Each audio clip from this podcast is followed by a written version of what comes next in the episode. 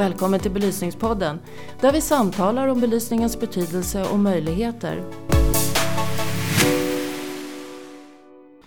Välkommen till Belysningspodden som är tillbaka efter ett sommaruppehåll. Jag heter Mikael Kastanius och idag sänder vi direkt från Stockholms stadshus. Och med mig sitter Erik Slottner. Välkommen Erik. Tack. Du är borgarråd i Stockholms stad för Kristdemokraterna. Ja. Kan du berätta lite mer om vad det går ut på, vad borgarråd och vad du gör på dagarna? Ja, vi, ja, dagarna ser väldigt olika ut men vi har ju 15 borgarråd i Stockholm har 10 i majoritet och 5 stycken i opposition. Och jag är då ett av de här 10 i majoritet och jag är äldre och trygghetsborgarråd. I alla andra kommuner i Stockholm heter det ju kommunalråd men just i Stockholm heter det borgarråd. Och det skulle man kunna jämföra med att vara minister på kommunal nivå. Så jag har hand om äldre och trygghetsfrågor i Stockholms stad. Eh, och ska försöka göra så mycket bra som möjligt inom de områdena och eh, pusha förvaltningen då som består av massor med medarbetare och helt opolitiska tjänstemän att göra det som vi politiker har fastställt i mål och budgetar och verksamhetsplaner. Och ditt ursprung är som många säkert kan höra inte från Stockholm. Du är från Nej. Kalmar. Mm. Uh, var det där din politiska bana? För jag, om jag förstått allting rätt, du började i politiskt ganska tidigt i ung ålder. Du är fortfarande rätt ung för att vara stadsborgarråd, men du ja, började tidigt. Jag har flera yngre kollegor faktiskt, några stycken. Men uh, jag var bara 13, till och med kanske 12 när jag blev medlem då i KDU. Så jag var ju väldigt tidig i mitt politiska intresse. Och jag minns jag hade ett eget politiskt parti också när jag gick i mellanstadiet. Och det hade massor med medlemmar i klassen för de ville... Det var ett sätt att slippa vara ute. För i den åldern vill man inte vara ute när det är rast. Nu vill man ju vara ut så fort man kan, men det vill man inte då. Och då fick man vara kvar i klassrummet på rasten när vi hade våra politiska möten. Men sen blev jag medlem i alla fall i KDU och sen kom jag in i, i kommunfullmäktige som 18-åring i Kalmar. Valet 98 då, för jag är född 1980. Eh, och då tror jag, jag vet inte, jag har inte riktigt verifierat det spelar väl mindre roll i och för sig, men jag tror jag var Sveriges yngsta då eh, fullmäktigeledamot. Du nämner eh, politiska intressen och sådär.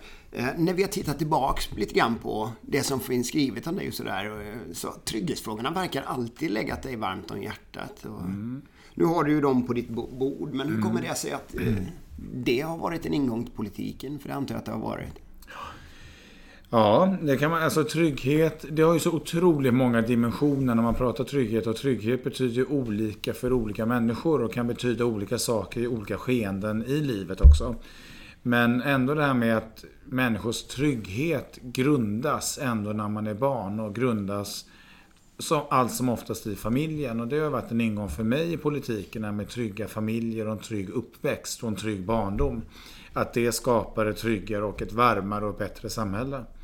Eh, så kan man säga att det började, men sen har, har kan vi säga, i takt med tiden, men också säkert i takt med stigande ålder, också frågor som rör mer lag och rätt och straffskipning och den typen av det som är mer rättspolitik egentligen eh, eh, ökat mycket. Och nu det arbetet då som vi jobbar mycket med i Stockholm med både ordningsvakter och den situationella brottsbekämpningen, hur vi utvecklar offentliga platser får göra dem tryggare.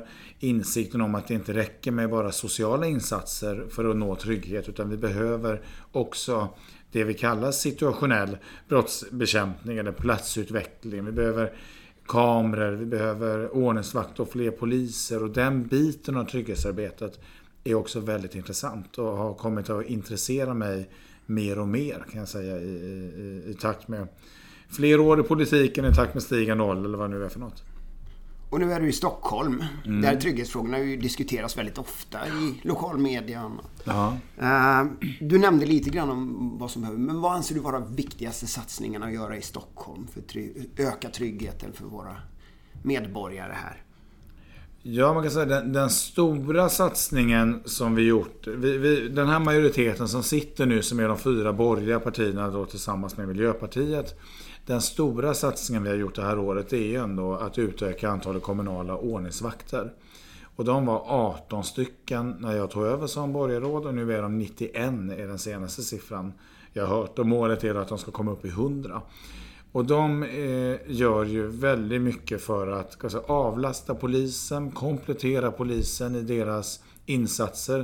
Eh, för att säga, komma åt det mer det vi ibland kallar vardagsbrottslighet, en ordningsstörning, personer som skapar otrygghet. Alltså inte den grova kriminaliteten. Det kan aldrig ordningsvakter bekämpa. Eh, det är polisens uppgift. Men, men ordningsvakterna syns i det offentliga rummet, bidrar till att skapa trygghet. Och det är jag väldigt stolt över, den satsningen. Och sen fortsätter vi då med, med Trygghetsfonden där man med fysiska investeringar bidrar till att utveckla platser och göra dem mer trygga. Så att människor vågar både vågar och vill ta sig till olika offentliga platser. Därför är det många människor på en plats, ja då är det svårare att begå olika kriminella eh, aktiviteter. Du nämnde här eh, att ni är ju faktiskt ett, en samlings... Eh, en allians som styr, styr här i mm. Stockholm mm. och ni ett minoritetsparti. Får du igenom någonting? Går det, går det att påverka? mycket, förvånansvärt mycket. Vi, Kristdemokraterna är ju i de här fem partier som styr så är vi fortfarande det minsta av de fem. Även om vi nu växte mycket förra valet. Vi ökade från två till fem mandat i kommunfullmäktige så är vi fortfarande det minsta partiet i koalitionen. Men det tycker inte jag märks. Alltså när, vi, när vi samarbetar, när vi förhandlar och, och så, då, då, är vi som fem jämbördiga parter tycker jag. Och vi har fått igenom väldigt mycket av det som vi gick till val på i valet 2018. Sen har vi gjort mycket kompromisser också. Och vi hade 163 vallöften hade vi som parti inför valet 2018. Det är klart en del av dem är tyvärr redan nu rödmarkerade. så att de kommer inte uppfyllas av olika, antingen för att verkligheten har förändrats eller för att vi helt enkelt inte får igenom de här förslagen gentemot de andra partierna. Men det är också massor av politik som vi har fått igenom. Och ett av de vallöften vi hade inför valet det var just att anställa fler kommunala ordningsvakter. Och det kan vi verkligen sätta en stor bock på nu för det arbetet är, är, är i full gång. Vad är nästa steg då, eller som man ska få ordning, om man får säga så, på tryggheten i Stockholm? För det, som invånare i Stockholm så läser man ju fortfarande om väldigt mycket problem, framförallt ute i förorterna och så mm. vidare. Vad, vad, är nästa steg? Och mm. hur ska, kan man lösa det här eller blir det värre? Nej, jag, jag tror aldrig vi kommer lösa den gång för alla. Kriminalitet och otrygghet kommer nog alltid finnas tyvärr i alla samhällen och har väl alltid funnits också. Även om otryggheten kan ta sig olika skepnader och se olika ut över tid. Men och jag vet inte om man alltid ska prata om nästa steg utan vi ska nog göra mer och bättre av det vi redan gör. Jag ser gärna att vi utökar antalet ordningsvakter exempelvis. Eh, jag ser gärna att polisen blir fler och syns mer i det offentliga rummet. Vi vet att i Järva exempelvis, eller på Järva, när polisen ökade insatserna där mot den grova gängkriminaliteten så nådde de väldigt stora framsteg. Så det finns ju en del som påstår med fler poliser hjälper inte, vi ska bara jobba förebyggande. Eh, de blir färre och färre som säger så, men de finns fortfarande. De tror jag helt fel. Fler poliser hjälper verkligen. Men sen är det självklart så att det arbete som kommunen har med socialtjänst och med skolan inte minst, förskola och skola, upptäcka barn som lever och verkar i riskmiljöer. Det arbetet är ju superviktigt. Och inför budgeten 2020 lägger vi flera förslag i socialtjänsten som får utökade resurser för att omhänderta barn och ungdomar som liksom finns i en kriminell riskmiljö etc. Arbete mot narkotika är ju jätteviktigt, sprider sig nu till fler, sprider sig allt längre ner i åldrarna. Vi måste öka insatserna för att bekämpa narkotikan. Det finns massor av insatser. Och hela integrationsproblematiken naturligtvis. Se till att barn och unga, inte minst killar med invandrarbakgrund, att de lyckas i skolan. Därför lyckas inte de i skolan, då löper de så mycket större risk att hamna i en kriminell livsstil.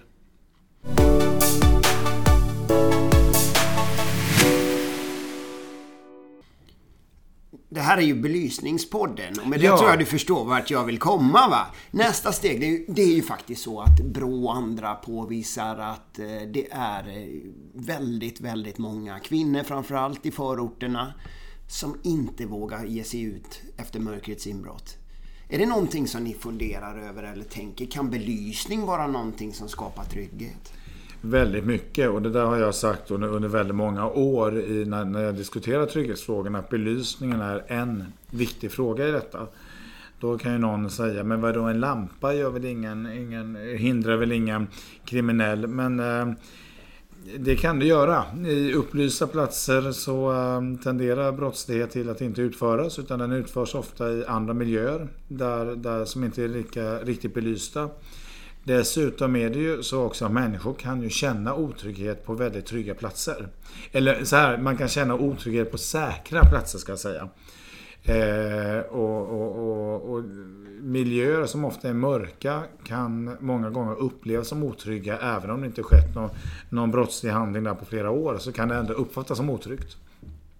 Och därför spelar belysningsfrågorna en viktig roll för, för tryggheten i staden. Och den här fonden jag pratade om som vi har då, Trygghetsfonden som är på 100 miljoner kronor nu 2020.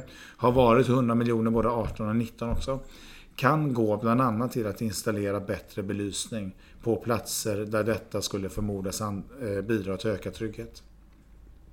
Finns det några mer exempel på vad Stockholm gör för att, med belysning för att öka Ja, nu har vi i budgeten fått in skrivningar om det vi kallar för effektbelysning också. Och det är någonting som jag tycker är viktigt som jag drev mycket i opposition. Det vill säga att vi ska lysa upp våra offentliga byggnader och verk. Eller byggnader och verk, ska man kunna säga. På ett bättre sätt. Det kan vara broar, konstruktioner, stadshuset, våra kyrkor. Eh, och massa andra byggnader som vi skulle kunna lysa upp för att skapa det vi kallar för effektbelysning. Det kanske inte är så mycket för tryggheten egentligen. Eh, även om det är säkert på sina håll och ska bidra till ökad trygghet så är inte det kanske huvudsyftet. Utan det är för att skapa mer effekt i det offentliga rummet. Eh, inte minst den tiden som vi nu går in i då som är väldigt mörk skulle det ha en stor betydelse tror jag.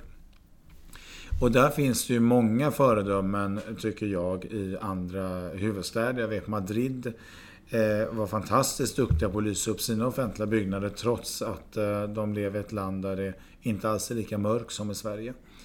Eh, och det har vi nu fått in skrivning om i budgeten så det ska Trafikkontoret jobba med och se över vilka platser, vilka byggnader skulle vara lämpliga för effektbelysning. Det kan ju också vara intressant från skadegörelsesynpunkt att Ja. Att man inte lika gärna förstör platser när det, både för att det är belyst och för att det är vackert. Så att det, det är ju också en del av tryggheten naturligtvis. Ja. Men det... Vi har, får jag säga där också, om eh, det här med trygga tunnlar, alltså gång och cykeltunnlar pratar vi om. Eh, där finns det dels ett företag som heter Trygga Tunnlar men det är ju även ett koncept ehm, som man kan prata om utan att prata om vissa företag. Men, men där jag säga, där, där många gång och cykeltunnlar finns ju idag under viadukter, alltså under broar och eh, det är mycket betong, ofta sönderklottrade miljöer. Eh, dåligt belysta många gånger. De här tenderar ju till att uppfattas som väldigt otrygga. Skulle man vitmåla de här och sätta upp belysning på rätt sätt så skulle det definitivt bidra till att de här miljöerna, våra gång och cykeltunnlar, skulle bli betydligt tryggare.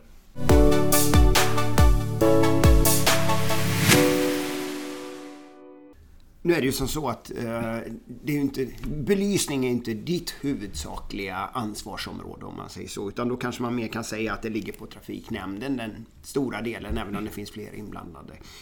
Och eh, din kollega Daniel Heldén. Eh, när man läser om Daniel i media så kan man ju tänka sig att han är en ganska bestämd person om jag uttrycker det fint. Eh, hur går det att samarbeta med honom och trafiknämnden?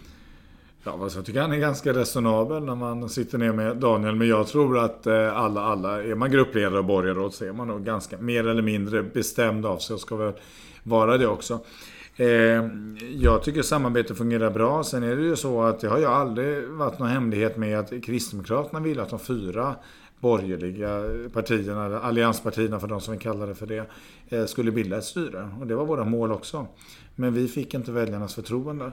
Och då var vi tvungna att sträcka ut handen till något annat parti. Och då blev Miljöpartiet minsta gemensamma nämnaren. Det här är en del av mina väljare upprörda över. Men då frågade jag dem, alternativet var att Miljöpartiet skulle samarbeta med Vänsterpartiet och Feministiskt initiativ. Eh, och det tror jag inte våra väljare skulle tycka var bättre än att Miljöpartiet samarbetar med Alliansen. Jag tycker det fungerar bra. Sen har detta inneburit vissa kompromisser. Men vad det gäller belysningsfrågorna tycker inte jag att detta är ett problem. Utan jag har pratat med Daniel om det här flera gånger om att vi måste bli bättre på belysning i Stockholm. Bland annat utifrån ett trygghetsperspektiv. Men också kanske utifrån ett besöks, besöksnäringsperspektiv faktiskt. Få göra staden skönare och vackrare och, och mera, Eh, kan vi säga, om vi jag vet inte vilket ord man ska använda, men lite roligare eller mera, mera sevärd. Du pratade om Trygghetsfonden här alldeles nyss. Eh, och eh, om jag förstått det rätt så, så formellt är du ordförande i Trygghetsutskottet va, som fördelar de här pengarna. Eh, hur arbetar ni där? Kan du nämna något mer om hur det fungerar med de här pengarna? Ja, det var ju nytt nu. Det är första gången. Eh, det här är första gången vi överhuvudtaget har ett trygghetsborgarråd i Stockholm. Och, eh, och nu inrättar vi då trygghetsutskott och det har vi aldrig haft innan som ligger under kommunstyrelsen. Och en av de befogenheterna då, eller uppgifter som det här utskottet har, det är att fördela pengar ur den här trygghetsfonden. Och det får alla förvaltningar i Stockholm få söka pengar eh, ur fonden för att skapa tryggare platser. Och det ska vara investeringar, det vill säga man kan inte använda fondpengar till att anställa fler eh, fältassistenter eller lärarassistenter eller så. Utan det här ska vara engångskostnader, alltså det vi kallar för investeringar i budgeten. Och det belysning är väldigt bra exempel på. Jag ska uppmuntra stadsdelsförvaltningen och trafikkontoret att söka pengar just för belysning. För jag tycker det är ett väldigt bra sätt att göra platser tryggare och mer attraktiva. Men det kan också vara ett ganska uppmärksammat exempel på en sån investering kan vara eh, ljudlarm på förskolegårdar. För att eh, de används idag ibland för narkotikabruk och narkotikahandel eller langning och eh, sätter man upp eh, sådana här ljudstörande signaler så är det tydligen outhärdligt för en tonåring att vistas där. Så det, det, kan finnas många olika, det kan vara att röja undan sly, skapa bättre siktlinjer. Eh, det kan vara för att anlägga bollbanor, utegym, hundrastgårdar. Också som ett sätt att befolka en plats som idag kanske inte befolkas av så många andra än de som har dåliga syften med att vara där. Och kanske belysa ute i gym också, för det är man inte så bra på alla gånger. Nej, precis. Och det är också en jätteviktig del då att, att eh, om man, om man, jag menar, vill man få dit människor exempelvis till ett utegym när mörkret har fallit på, då är det en väldigt bra idé att också belysa utegymmen. Eh, och har man inte tänkt på det så är det ju väldigt dåligt tycker jag. Men det kan man verkligen få pengar för från den här fonden. Och eh, jag, jag nämner alltid belysning som en av första åtgärderna eh, som man kan ansöka pengar för. Har det fungerat bra? Söker förvaltningarna till den här fonden? För spontant så kan man väl tänka att det är ju ni politiker som ska komma med initiativen och de som ska verkställa dem och inte tvärtom. Fungerar det här förfarandet? Ja, men jag, jag tycker det nog ändå är bra om det inte bara är vi politiker som säger det här och det här bör ni söka pengar för. För kunskapen finns ju ändå eh, där ute i organisationen och Stockholm är en sån otroligt stor kommun att skulle jag som borgarråd kläcka alla idéer, då skulle det nog bli alldeles för få idéer kläckta. Men, eh, men vi har ju också politiker ute i våra stadsdelsnämnder och ute i våra centrala nämnder. Och det gör att de kan komma med olika initiativ och uppmuntra sina tjänstemän att söka pengar för olika insatser. Pengarna går de åt. Jag vet att det har varit samma budget varje år fast trygghetsfrågorna ju har ökat. Ehm, Går de åt pengarna och eh, behöver man inte öka budgeten? Ja, men de går åt. Inte riktigt fullt ut. Jag tror vi i år kommer runt 90 miljoner kommer användas. Så att eh, det, det kan absolut, eh, tempot kan öka eh, och antalet ansökningar kan öka. Sen, är det, sen har vi nekat en del ansökningar för att själva investeringen inte kunde hinnas med i år utan investeringen görs nästa år och då kan vi inte rent budgettekniskt fördela pengar redan i år. Och en del ansökningar har ju varit för dåliga. Vi, vi avslår en hel del ansökningar för att vi inte tycker att det här är en insats som, som kan eh, öka tryggheten. Eller det här är på en plats som överhuvudtaget inte är otrygg idag och då, då kan man inte då kan man inte få pengar för det heller. När man tittar igenom det lite hastigt, var pengarna har gått, så hittar man vad det beträffar belysning väldigt lite. Jag tror i princip det var ny belysning på Östermalms IP. Eh, det kanske inte är på Östermalms IP som trygghetsfrågorna är som störst i behov. Mm.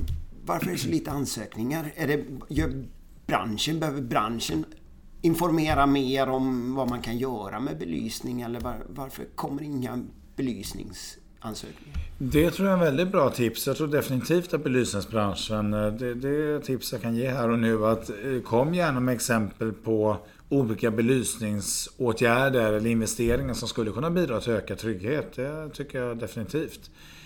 Men, men jag delar inte bilden av att det bara var ett belysningsprojekt. Det, det är ganska mycket belysning på olika platser. Däremot är ofta belysning en del av en rad åtgärder man vill göra. Så det kan vara att belysningen gömmer sig om man, om man om man gör en eh, ansökan på 5 miljoner kanske belysningen utgör 1 miljon och kan det ibland vara svårt att hitta just det. Men jag vet på Järva har det varit flera belysningsansökningar eh, exempelvis. Eh, men, men man kan säkert göra ännu mera och varför... Jag tycker alltid det är bra om input och tips kan komma utifrån och ifrån människor som verkligen kan saker och som, som är inne i branschen. Så det är ett utmärkt initiativ som ni skulle kunna ta. Jag vet att vi har varit här och pratat med, med lite olika representanter för politiken tidigare och då har man velat så att det ska finnas något konkret projekt, försöksprojekt eller annat som man kan visa upp och titta på. Fungerar det? Mäta. Finns det några sådana planer idag eller diskussioner som pågår om att hitta något försöksprojekt i någon speciell del av kommunen eller så? Nej, inte vad jag, det kan säga, inte vad jag känner till. Men å andra sidan, om man nu ansöker om ett belysningsprojekt i den här eh, investeringsfonden, eller trygghetsfonden, och man, eh, om man tycker att det här blir väl lyckat, då är det bara att köra dit en massa politiker, eller bjuda in politiker och, och, eh, och, andra förvaltningar för att visa upp det här projektet. Och säga att det här blir väldigt lyckat. Men något sånt här försöksprojekt är inte vad jag känner till, men det är mycket möjligt att det finns något på trafikkontoret som ansvarar som inte jag känner till, men inte vad jag vet. Kan branschen exempelvis ta initiativ till någon ansökan och hur gör man då i sådana fall? Nej, för det här får inte delas ut till privata företag. Men om man, vill, om man vill ta något initiativ och bidra, vart vänder man sig då? För, att, för det, det, skulle väl kunna vara någon stadsdel eller någonting som nappar ja. på ett projekt och vill ha hjälp. För det är ju inte helt enkelt. Det krävs mycket expertis för att få till olika projekt mm. naturligtvis. Mm. Nej men då tycker jag att belysningsbranschen eh, tar kontakt med eh, berörd stadsdelsnämnd och eh, man skriver ett mejl eller lyfter på luren och, eh, och hör av sig då till eh, nämnd eh, stadsdelsdirektör och säger att här, skulle, här tror vi skulle vara väldigt bra med en belysningsåtgärd för att öka tryggheten. Och då kan ju de förvaltningarna sen söka pengar i sin tur för det. Men det är där man vänder sig först? Så ja. Det, är det. det, är det. Det är bättre snarare än att ge sig på er som sitter i ledningen så att säga. Jag tror man kan ge sig på många olika. Det är inte så dumt. Men om man, om man i och med att det är förvaltningarna som söker pengar. För, för vi ska kunna, ska vi i trygghetsutskottet kunna bevilja en ansökan, då måste det finnas en ansökan.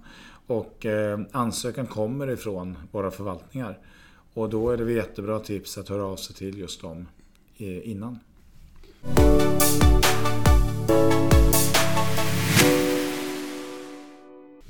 Om vi hoppar lite då till den politiska agendan så att säga. Jag vill nog våga påstå att högst upp på den politiska agendan står klimatmålen just nu.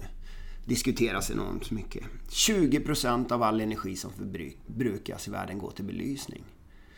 Vi vet idag att på bara några dagar skulle vi, åtminstone i teorin, kunna få ner eh, den energi som används till belysning med 90% genom LED-belysning, utbyte av gammal belysning så att säga och nya styrningssystem.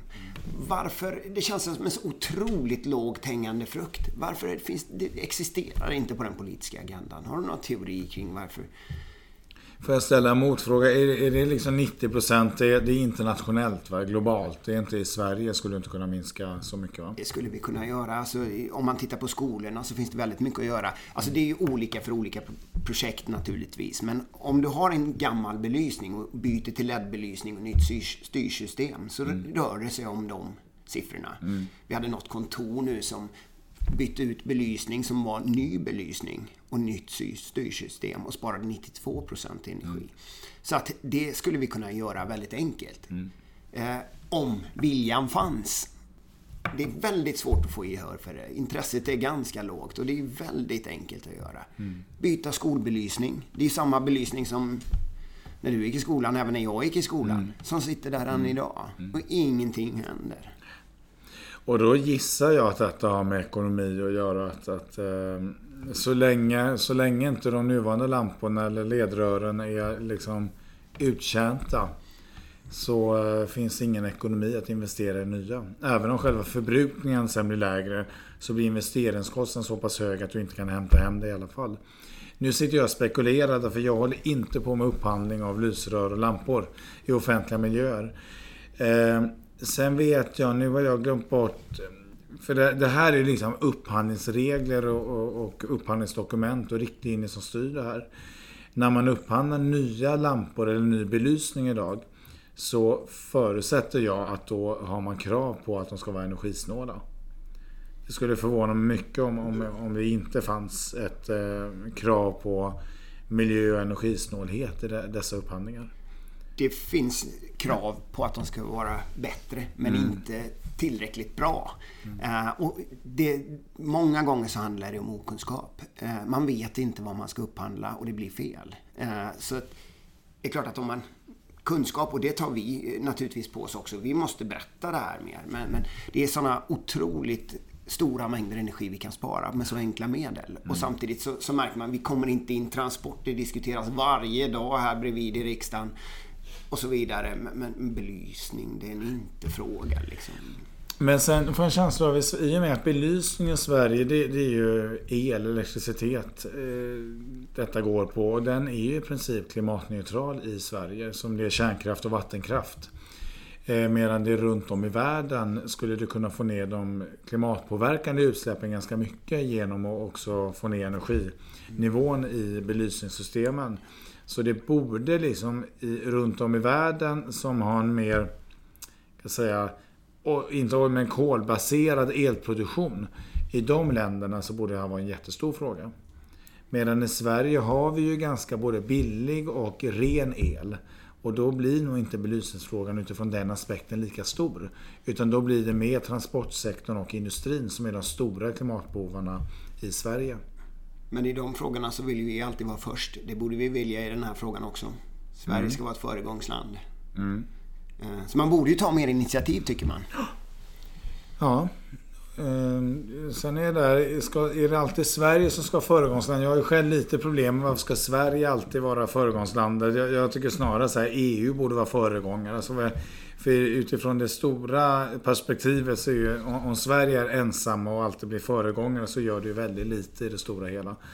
Eh, däremot är det jättebra om vi är föregångare i den meningen att vi sen kan bli exportörer av modern miljöteknik och att vi, att vi kan forska mycket på det här och bli stora så det blir en bra eller viktig exportgren. Det vore ju fantastiskt. Om det, men, med just det att Sverige bara för sakens skull ska vara föredöme för det är roligt att vara föregångsland. Det där har jag ibland lite svårt för faktiskt. Vi ska runda av Erik eh, och jag skulle vilja avsluta med att lyssna. Du har ett stort engagemang i frågorna. Det är inte, belysning är inte ditt huvudsakliga ansvarsområde, men du har ju ett engagemang i både trygghetsfrågorna och belysningsfrågorna. Så att, vad är dina rekommendationer till branschen? Vad, vad ska vi göra för att komma högre upp på agendan om man säger så? Det är väl det här sprida goda exempel. Sen exakt hur man gör det är ju kanske inte jag riktigt är rätt person att och, och, eh, svara på. Däremot visa upp, marknadsföra olika bra exempel på där belysning har kunnat bidra till ökad trygghet, det vi pratar om nu. Men eh, låt säga, en byggnad som jag verkligen tycker skulle lysas upp mycket, mycket mer i offentliga rummet är den vi sitter i nu. Stadshuset, den syns ju knappt när det är mörkt. Det är någon liten belysning på tornet. Det har alltid stört mig. Jag tycker verkligen vi borde lysa upp eh, våran, stolt, stolt, våran stora ska säga, stolthet i Stockholm. Och om, om inte året om så åtminstone den tid vi nu är inne i. Jag tycker julbelysning är helt fantastiskt sätt där, där Stockholm är ganska duktiga nu på att vara en av Nordens bästa eh, julbelysningar. Eh, så, så nog gör vi en del eh, saker och aktiviteter där belysningen är eh, inblandad. Men jag tycker vi kan göra mycket mera. Eh, nu blev det här lite flummigt svar känner jag, men eh, jag skulle ge lite tips och råd till er. Men det är att sprida goda exempel och inte bara inte bara från Sverige utan sprida goda exempel från andra länder. Därför svenskar gillar att hämta goda exempel från andra länder. Och det kanske också är ett tips. Erik, vi tackar dig för att du tog tid att vara med i den här podden. Tack för att jag fick vara Och lycka till i framtiden. Tack, tack.